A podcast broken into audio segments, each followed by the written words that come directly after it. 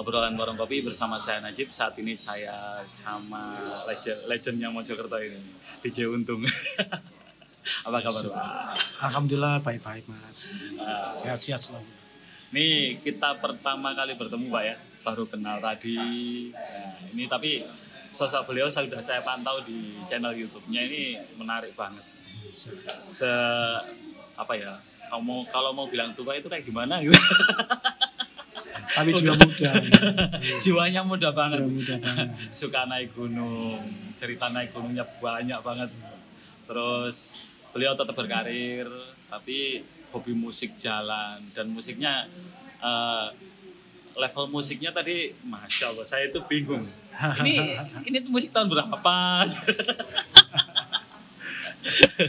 tapi kalau dilihat dari channel YouTube-nya sampean itu ini pak ya apa namanya eh, estetik banget videonya ini memang digarap serius pak ya Ya jadi memang eh, awalnya sih main-main mas. Ah, Cuma sekedar hobi pak ya eh, hobi.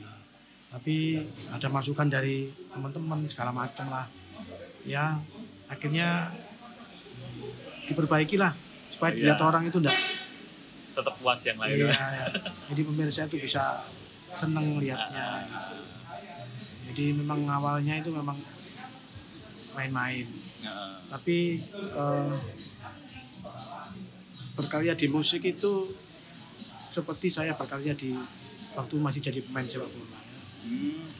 sempat main sepak bola pak Ya, jadi saya masuk di Bang Jatim ini karena memang prestasi dari main, dari main bola.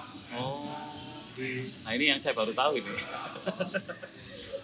apa itu masih ingat pesan ibu saya itu ketika udah lale kamu tekun aja, nggak perlu mikir kamu nanti mau jadi apa. oh Kalau udah tekun, nanti pasti ketemu apa yang kamu inginkan. oh gitu ya dan Jadi- itu dilaksanakan pak beneran Betul. oleh jenengan Saya tuh kan termasuk penikmat proses, Mas. oh Jadi iya, prosesnya yang eh, apa yang harus dijalani bertahun-tahun seperti itu, saya menikmati. Jadi nggak ada merasa berat atau apa itu, nggak ada.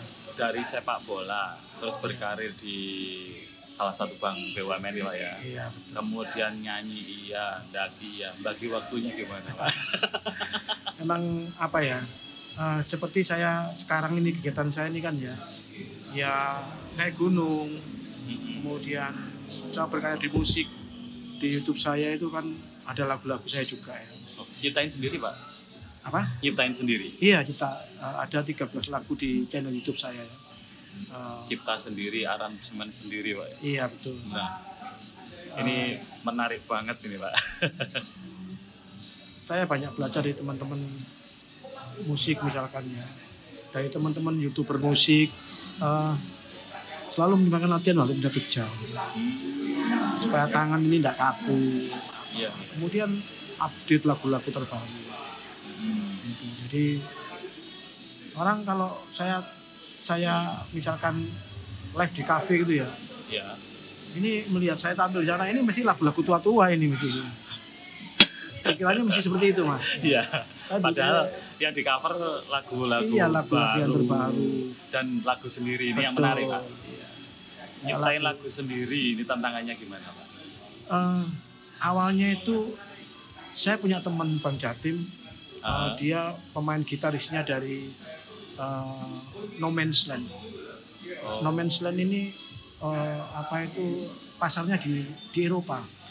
Karena dia saya lagu, kali lagu nanti bisa eh, Mas lihat di eh, di YouTube-nya ya. Ah. Itu ada nama satu nama grup rock Mm-mm. Island Crash dari dari Malang itu namanya No Man's Land.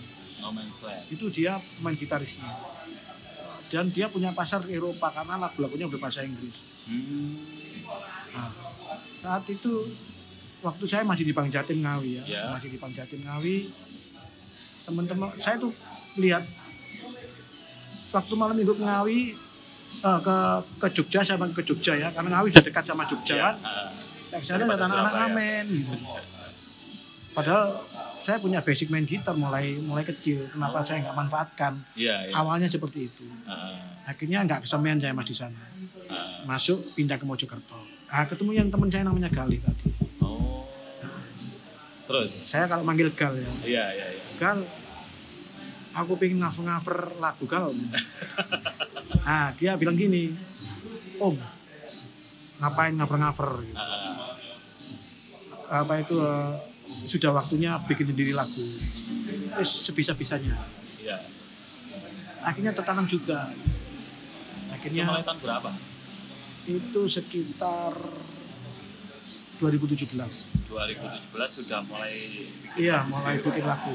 eh, Awalnya lah, eh, saya share di YouTube itu saya upload di YouTube lagu saya sendiri oh, yang berjudul Berjanjilah. ah, Nah, saya minta bantuan melodinya teman saya itu si Galih tadi. ah, Dan selidik punya selidik ketika saya recording di di Malang, ternyata teman saya ini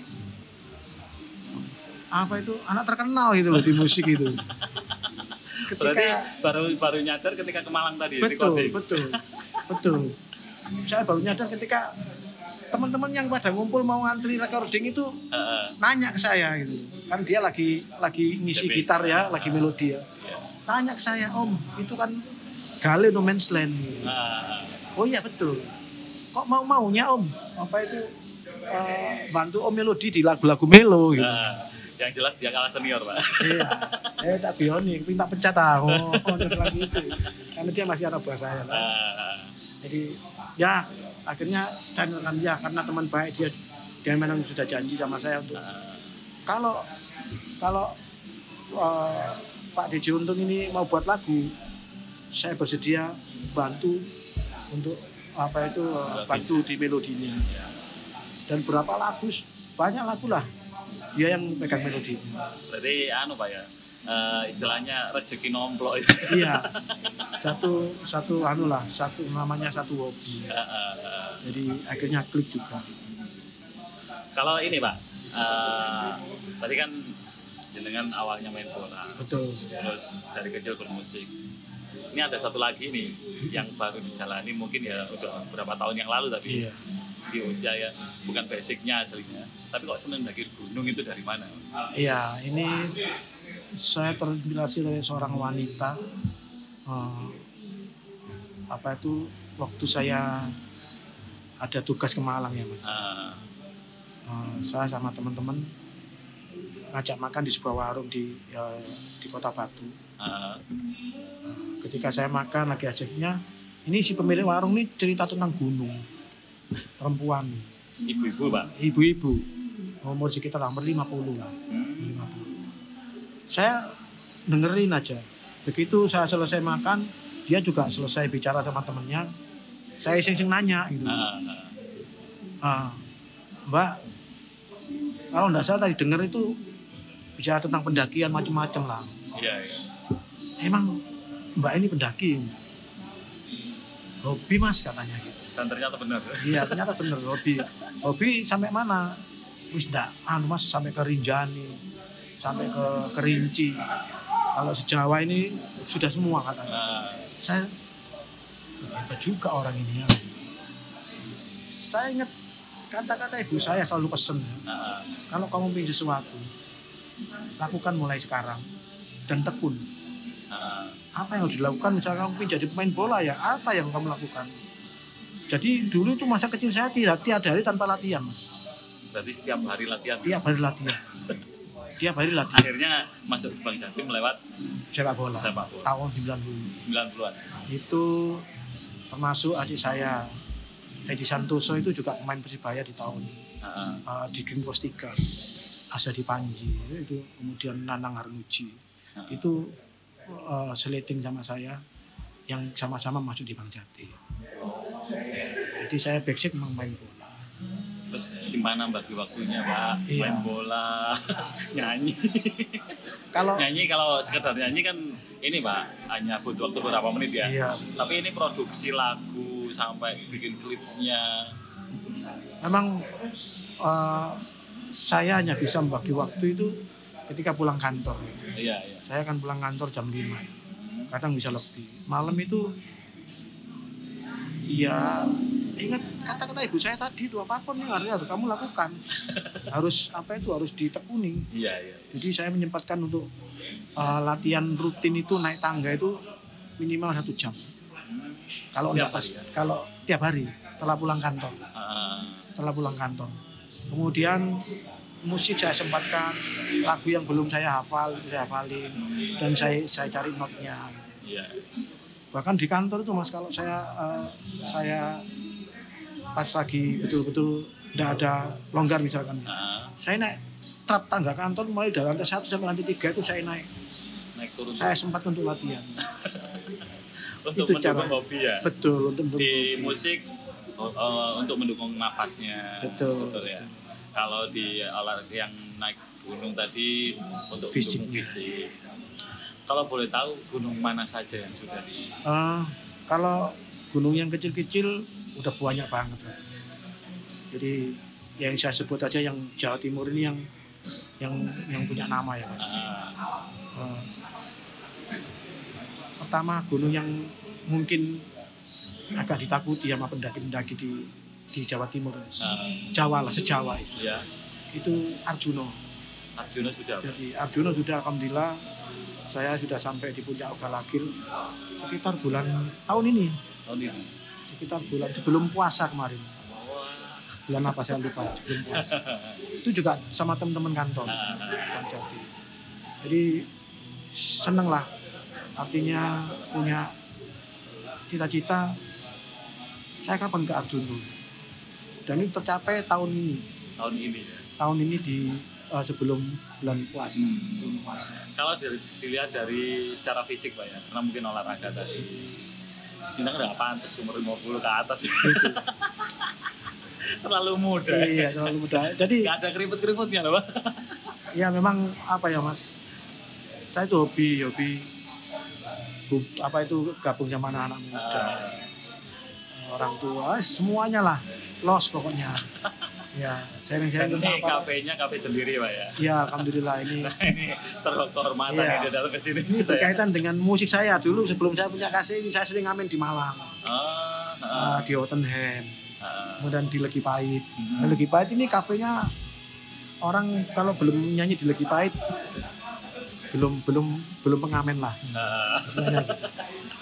di culture ah. ya kalau Sabtu itu saya kan saya punya rumah di Malang juga kan Oh, mudik ke sana kalau, ya kalau saya jenguk anak-anak Ah. sekarang anak saya saya calling nanti bantu ayah ya mau live di mana Weh. nah, seru Dan anaknya, gitu. anak-anak dukung Pak ya. anak saya yang ngikuti saya yang terakhir Ah, itu juga lumayan main gitarnya juga suaranya ngikut lah pokoknya iya, iya. cuma masih malu-malu masih malu-malu Ini Pak, eh, tadi sempat saya diceritain kan di backstage tadi. iya. Nah, jenis musik yang kayak gimana- gimana sih yang yang paling klik sama jenengan itu? oh dulu sampai sekarang ya sampai sekarang. Oh, teman-teman tuh bilang DJ Untung tuh gak pantas nyanyi lagu yang lain kecuali Ebit GAD tapi Mungkin lihat umurnya Pak ya. iya tapi saya ah enggak ah gitu. Iya.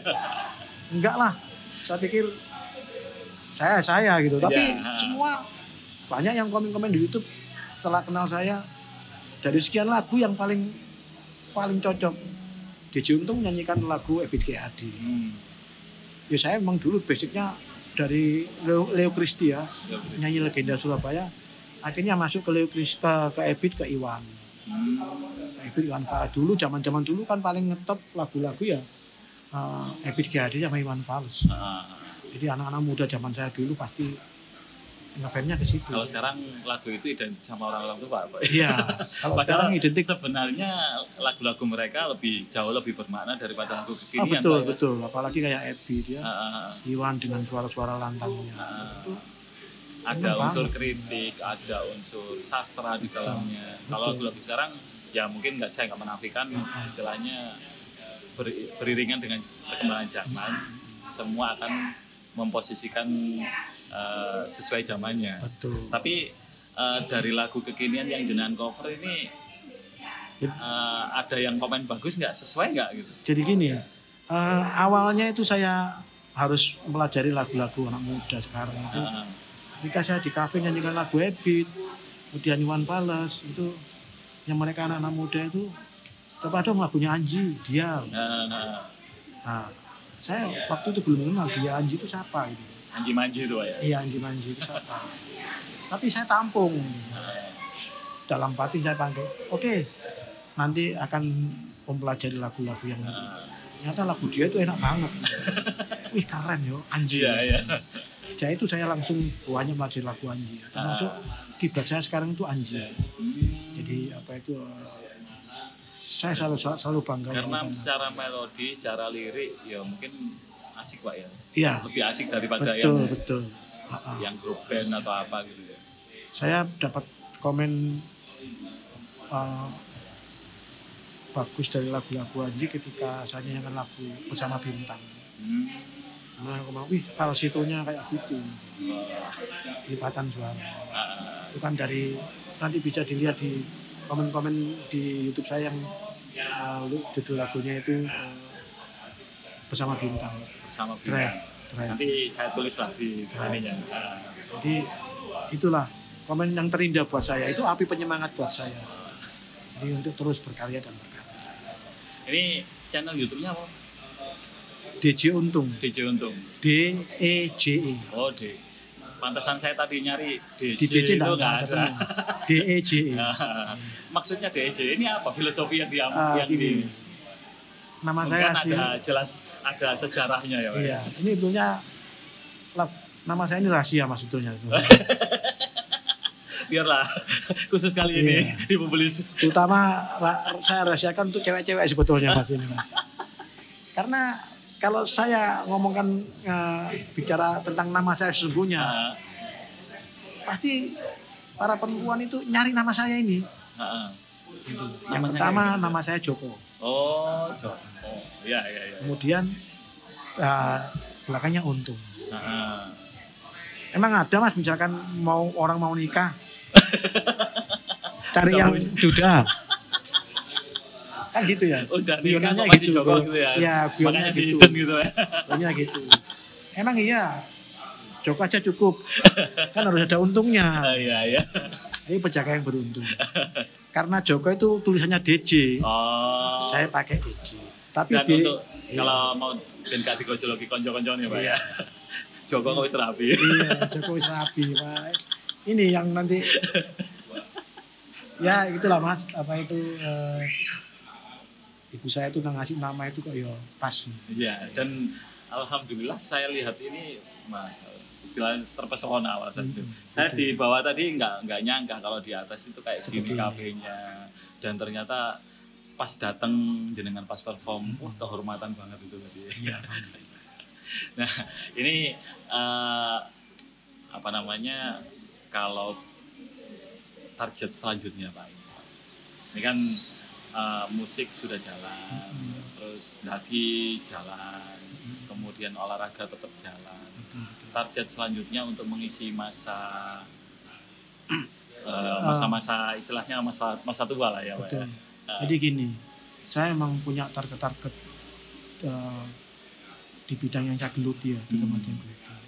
Itu saya mulai YouTube itu sebetulnya eh, empat tahun yang lalu. Hmm. Awalnya sih hanya ingin menyalurkan hobi. Ya dokumentasi lah ya. Tapi ketika ingat ibu saya, kan apa ya kudu tekun. Hmm. Akhirnya saya banyak belajar, ngafar lagu, tekun, bikin lagu, upload di YouTube, ngapain. Eh lama-lama nggak kerasa sudah nyampe 900 subscribe gitu. Iya ya. Nah, banyak teman yang banyak apa ya omongan yang masuk ke kuping ini mas. Iya iya iya. Eh mana om nggak sih? Ayo kencengi om. Iya iya. Oke lah saya.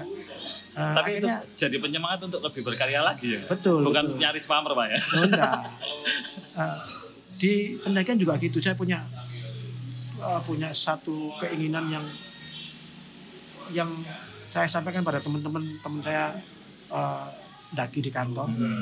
Awalnya mereka hanya daki-daki aja begitu. Iya.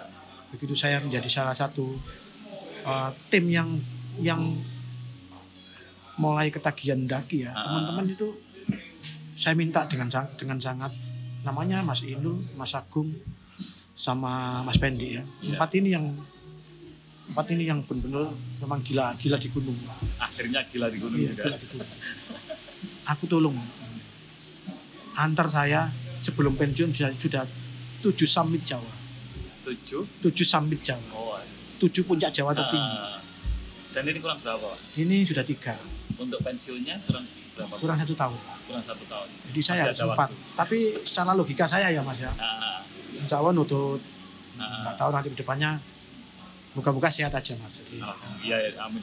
jadi apa itu Setelah pensiun kayaknya harus ini semacam varial party ketinggian ini. Pak. iya It- itu karena Rinjani itu kan butuh butuh waktu banyak mas Iya. paling nggak seminggu teman-teman Iya. itu sementara kita masih pegawai waduh dengan waktu seminggu itu ya kita harus cuti cuti. macam-macam wah iya sekarang apalagi cuti kan cuma dibatasi tiga hari nggak nutut lah mas kalau next kalau keluar Jawa itu nanti setelah saya pensiun ya, saya Dengan ingin- tim yang di kantor. Iya.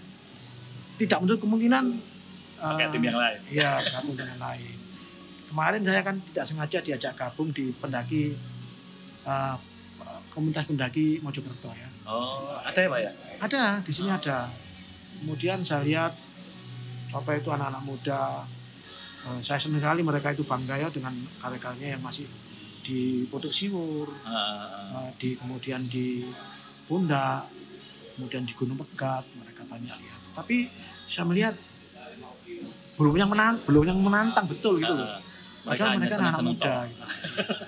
Begitu saya share waktu ke Arjuno, Ah, baru mereka tergagap gitu. Wih, om umur berapa om? Banyak yang tanya gitu. itu sering terjadi pada saat naik di ah, Nanti tanya apa itu, "Oh, om berapa om? 57 saya sudah di Arjuna sudah 57 yang tahun ini kan ah, nah itu apa ya begitu mereka tanya-tanya saya kasih jawaban supaya mereka benar-benar terinspirasi. Ah, ah. ada satu ada satu dua orang yang sekarang sering sering anu sama saya sering kontak inbox bahkan minta WA bicara tentang gunung ayo kita ngobrol masalah gunung nggak ada yang lebih senior. Nggak ada yang lebih senior. Sampai tahu tanya caranya gimana om? Di usia 57 gitu kok masih bisa di Arjuna latihan semuanya itu daya ledak itu karena latihan Ah, Eh, kaji- kejadian waktu di penanggungan juga gitu. Saya tiktok. Gunung penanggungan sudah ada lima kali mas. lima kali. Iya lima kali. Yang tiga kali ngecamp, yang dua kali langsung nggak nggak ngecamp langsung turun. Nah, itu aku jebol, Pak. Iya. itu saya berdua sama teman saya itu, Ah. teman kantor, teman Ah. kantor ya. Itu saya lewat Tamiajeng ya, lewat Tamiajeng. Eh, di situ ada puncak bayangan sebelum puncak sejati. Ya. Ya. namanya puncak jadi pawitra. Nah itu ada anak-anak muda, anak-anak muda itu orang kalau mau tektok kan kelihatan dari dari tas, Iya. ah, tasnya kecil, ah, hanya butuh untuk minum sama cukupnya lah, ah, nggak bekal. pakai bawa tenda. Otomatis mereka om, tektokan ya. Om?" Ah, Oh iya mas. Nah, dia bangunin teman-teman nih. Ayo coba bangun bangun cuma bangun. Bangun. Om iki lho, tektok. Kakoni kabeh tak jak. Mau nggak puncak dulu dukure tok iso di kabeh. paling sama juga kalau saya gitu. Jadi apa ya mas? Latihan. Ah, ah, Nggak nggak ada lagi kecuali latihan. Jadi, Perlu dibiasakan. Iya, perlu anu, nggak nggak bisa enak-enakan. Apalagi naik gunung tinggi seperti Arjuna, Lau, kemudian Lau apa ya? sudah Lau itu ceritanya aneh-aneh mas. Jadi apa ya? Ya setiap pendaki pasti mengalami cerita kita suka dan duka. Tapi hal-hal mistis nggak pernah ya? Kan Oh konon, ada, konon katanya. ada. Saya hanya Justru, pernah dengar. justru di Lau saya enggak, enggak ketemu apa-apa. Oh, Malah di Anjasmoro. kejadian kayak gimana ini? Jadi gini, saya naik ke Anjasmoro itu via via base eh, pos kancil. Mm-mm. Nah itu memang di situ memang ada pendaki yang namanya Mas Kanyu pen- pendaki hebat betul memang. Memang pendaki hebat. Saya bersama tiga orang a- a- teman kantor Inul sama Mas Agung. Mas Pendinya sakit waktu tidak bisa. Akhirnya saya berangkat bertiga. Ketika masuk sekitar waktu itu jam habis Jumatan mas saya ke sana. mm-mm. Pos itu saya daftar. Kemudian Om Kancil bilang gini, Om DJ, ini pendakian yang pertama setelah lama ditutup, Oh, setelah kebakaran kan, iya. kemudian setelah tumbuh vegetasi hujan itu Nah, baru dibuka dan saya pertama kali bertiga yang naik. Pertama bertiga yang naik. Nah, Mas Kancil udah ngasih apa itu ngasih masukan-masukan. nah, Om, Om DC, eh, ini adalah pendakian zaman yang pertama ketika mulai dibuka. Iya. Jangan kaget kan lama ya. Gunung sudah lama. Nggak di- nyambangi. Iya, ada yang. Jadi binatang-binatang mungkin dia ada berkeliaran atau apalah gitu. Yang tapi yang penting niatnya baik, ya oke lah katanya. Cuma pesen saya katanya Bang Kancil tadi, pesen saya jangan pernah ngecamp di puncak bayangan. oh, kenapa? Nah, di sebelum puncak sejati itu, puncak sejati namanya Cemoro Sewu ya. Hmm. Itu jangan pernah ngecamp di puncak bayangan. Loh, saya penasaran, sama seperti jenengan. Iya. Loh kenapa om? Nah kalau nggak kuat gimana? Om? Kan gitu ya. Ini mas, jadi eh, sebelum pendaki itu masuk di basecamp kancil itu di salah satu perempatan desa itu ada tugu. Oh, Ada tugu yang isinya nama-nama nama-nama eh, orang yang meninggal di puncak bayangan itu ketika pesawat itu jatuh di situ. Kita tahun 61 Mas. mulai 61. Iya, itu satu satu keluarga, Heeh. keluarga besar tapi ya, seluruhan satu pesawat itu dia ceritanya dia nyarter pesawat eh, angkatan gitu ya. Hmm. Jatuhnya di situ. Jadi Oh. ada hampir 30 orang. Berarti bukan bukan karena nanjak ya, tapi karena pesawat jatuh gitu. Iya, kan bisa jatuh dan Nah, di situ banyak cita-cita mistis yang yang berkembang cuma makanya sendiri. Eh, cuma eh, saya enggak saya enggak nyeritakan yang masalah itu ya karena saya enggak mengalami di situ dalam arti saya enggak mengalami hal-hal yang aneh. nah, karena niatnya baik mungkin, Ah, ah. jadi nggak ada gangguan-gangguan kayak Ah, gitu. ah. Anehnya cuma saya gini. Ketika di di puncak bayangan itu tiba-tiba ada yang aneh dari saya. Itu saya tahu ketika saya sampai melewati puncak bayangan. Saya juga jadi egois, Mas. Hmm. Saya juga jadi egois. Aku nggak kuat saya bilang. Semacam nggak menjadi diri sendiri. Iya, semacam nggak menjadi diri sendiri. Kayak saya kayaknya yang nggak kuat. Padahal selama saya ndaki saya nggak pernah menggunakan jabatan saya karena itu Ah. adalah walaupun itu anak-anak saya di kantor, Nah, tapi ketika di gunung ya sama teman-teman kantor harus juga ya sama guyon sama saya los. Nggak ada Ah. nggak ada anu. Tapi kok saya aneh ya dibaca seperti itu? Ini yang agak terheran-heran. Kok apa untung seperti ini tiba-tiba? Saya ngeyel minta di apa mungkin di sini. Nah, enggak aku gak kuat. Kon gelem gak gelem kudu kene ini. Merinding nih Pak. gelem gak gelem kudu nek kene akhirnya berdua bingung. Nah, mau mau apa itu adu argumen ya. Kata Anies ngetokno senjatai Pak Iya. Umum gitu, ya. Tapi tiba-tiba itu pas eh, melontarkan satu kata ini punya bayangan. Saya nggak tahu awalnya kalau itu puncak bayangan saya nggak tahu. Kalau itu puncak bayangan saya nggak tahu. Ini puncak bayangan pak dengan apa itu ingatnya pastinya Mas Kancil enggak itu gitu, langsung turun saya mas. Itu yang ngomong ini puncak bayangan? Mas Inu Mas Hino. Nah, ini puncak bayangan. Tadi di pesini nggak boleh. kan sudah dipesen. Aduh des. saya jadi tiba-tiba berwasa oh iya iya ayo jalan jalan jalan. Akhirnya alhamdulillah saya uh, berangkat jam 4 dengan apa itu ditemani gurun hujan mulai jam 4 ya, sore. Saya sampai di puncak sejati itu kira-kira setengah sepuluh. Setengah sepuluh malam. setengah sepuluh malam. Buka tenda teman-teman. Eh, siapkan makan. Setelah saya makan saya tertidur. Saya tertidur. Teman saya itu udah saya tak eh, saya tak istilahnya melekan ya orang Jawa nah, melekan begadang lah. Nah, tidur mas saya mas Tapi pagi sendiri saya bangun, saya udah bangun.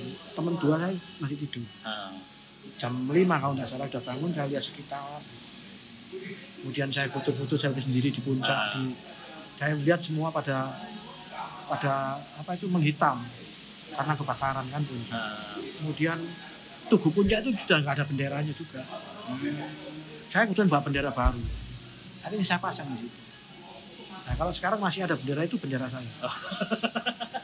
Ya, apa itu saya pasang di situ. Ah, Akhirnya berkibarlah bendera itu di situ. ah. Saya selfie selfie. Apa itu kemudian dari dalam tenda teman-teman saya teriak. Ah. Alhamdulillah Pak yo. Banyak banyak oh banyak apa temennya yang ngecamp di sini. Hah? Weh.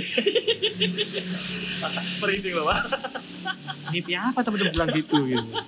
Padahal cuma satu grup ti- bertiga tadi, Pak ya. Cuma bertiga. Cuma bertiga. Padahal dari bawah tadi eh, yang hampir saja kena jenengan. Malamnya yang kena mereka. Dua, dua orang itu. Loh, saya heran loh, kenapa kok dia bisa bilang banyak orang temannya gitu loh.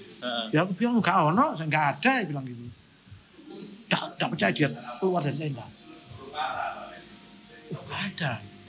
berarti semalam mereka ditemani. Saya kemudian dari puncak itu kan saya- dari sama eh, camp saya itu kan mungkin sekitar ya, 10 meter lah. Ah, 10 meter saya enggak. Ono apa kok? Di pikiran kon kok ini. ah, Ternyata semalam dia itu ketika jagong itu ada ada puluhan kaki itu bu dak, dak, dak, dak, dak, dak, dak. di belakang kebetulan tenda saya itu menghadap view yang paling indah Ah. ya nggak mungkin teman di situ sementara masuknya di eh, masuknya di apa itu di di puncak itu lihat belakang belakang tenda saya belakang tenda saya biasa kan teman-teman nyapa masih oh selamat datang mas. Duh mereka yuk kayak orang katanya. Sini ya, wis kene lho enak, kene lho enak, kene enak. Kene enak, bilang gitu. Suara itu betul-betul jelas katanya teman saya dua itu. Makanya ketika saya bilang nggak ada, dia langsung loncat. Ah. Oh, Memastikan dan memang benar nggak ada. Iya ternyata nggak ada. Mereka berdua berpandangan. "Wah, Ini apa berarti?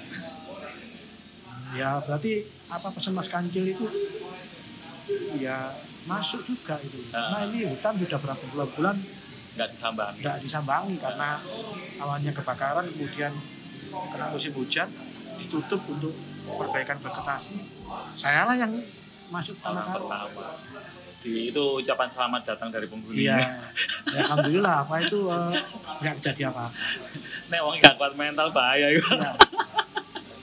kejadian itu ada lagi mas. Ah, ketika saya selesai makan-makan jam 9 pagi ya. Turun anak-anak teman-teman. Ini waktu di puncak bayangan ini kok anak ini camp kok di tengah jalan gitu. Ah. Nah, sama temen saya Inul mas mas mas. Gak keliru ah ngekeming Itu siang, Pak. siang siang. Ada wujudnya. loh memang tenda betul. Oh, tenda. tenda betul. Anak-anak muda-muda di sini Ah, muncul akhirnya. Apa apa itu eh, ketuanya lah istilah ya ketua rombongan. Dia apa itu tolak-tolak ke samping "I- iya mas purani mas. Saya semalam itu saya semalam itu kayak eh, kayak diintimidasi sama barang halus. Ah. jadi semacam kayak perempuan. Jadi sampai sampai yang ketuanya ini sampai bawa golok. Karena sampai harus ketika nampak digolok di pedang ah, tapi lama kelamaan dia ketakutan akhirnya mau apa itu wes ngecamp sini aja lah memutuskan Aku diam di tengah jalan. sampai di tengah jalan usut punya usut ternyata begini jadi eh, teman-teman adik-adik yang kloter kedua setelah saya Hmm. ini dia bertujuh Setuju. bertujuh itu empat empat cowok tiga cewek Hmm. kayak si cewek ini lagi lagi ada tamu. Nah, rupanya ini yang buat membuat apa itu eh, apa ya? Daya tarik. Iya, orang-orang di luar kita itu tertarik itu. Mungkin itu. Iya. Jadi akhirnya dibangun ya teman wis anu deh wis diringkisi tendoi Hmm. Lakar muncak muncak sekarang satu setengah jam lagi nyampe akhirnya dia muncak ya enggak tahu Coba, saya turun. Oh turun. Nah, turun. Enggak tahu anak-anak itu dia muncak apa enggak karena dia waktu itu cuma sebagian putih-putih takut dia minta Ah. turun sebagian emang kurang Heeh. kurang tinggal sedikit aja. Enggak tahu saya berarti eh, untuk muncak ke daerah puncak-puncak Jawa ini lebih baiknya dalam kondisi yang tidak berhalangan. Kenapa dalam kondisi yang tidak berhalangan kalau oh cewek-cewek. iya kalau bisa seperti itu. Nah, kalau bisa seperti itu. Karena biar nggak menarik oh iya. uh, penghuni. Iya. Apalagi kalau naik di gunung-gunung kayak Lawu yang mistis Ah. itu. Ya kemudian Arjuno ada pasar setan. Ada hal-hal yang perlu anu, perlu diwaspadai. Eh, matur suwun ya Eh, manggilnya om apa pak ini?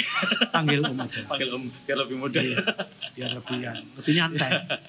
Ngobrol ngalor gitu tentang cerita musik muncak menarik banget. Yang paling saya pikir saya penting cerita muncaknya tadi. Iya. Ini eh, final statementnya untuk menyemangati kaula muda yang betul betul. eh, apa tidak ada niat sombong Iya. tidak ada. Tetap kita harus berguru ke yang lebih berpengalaman.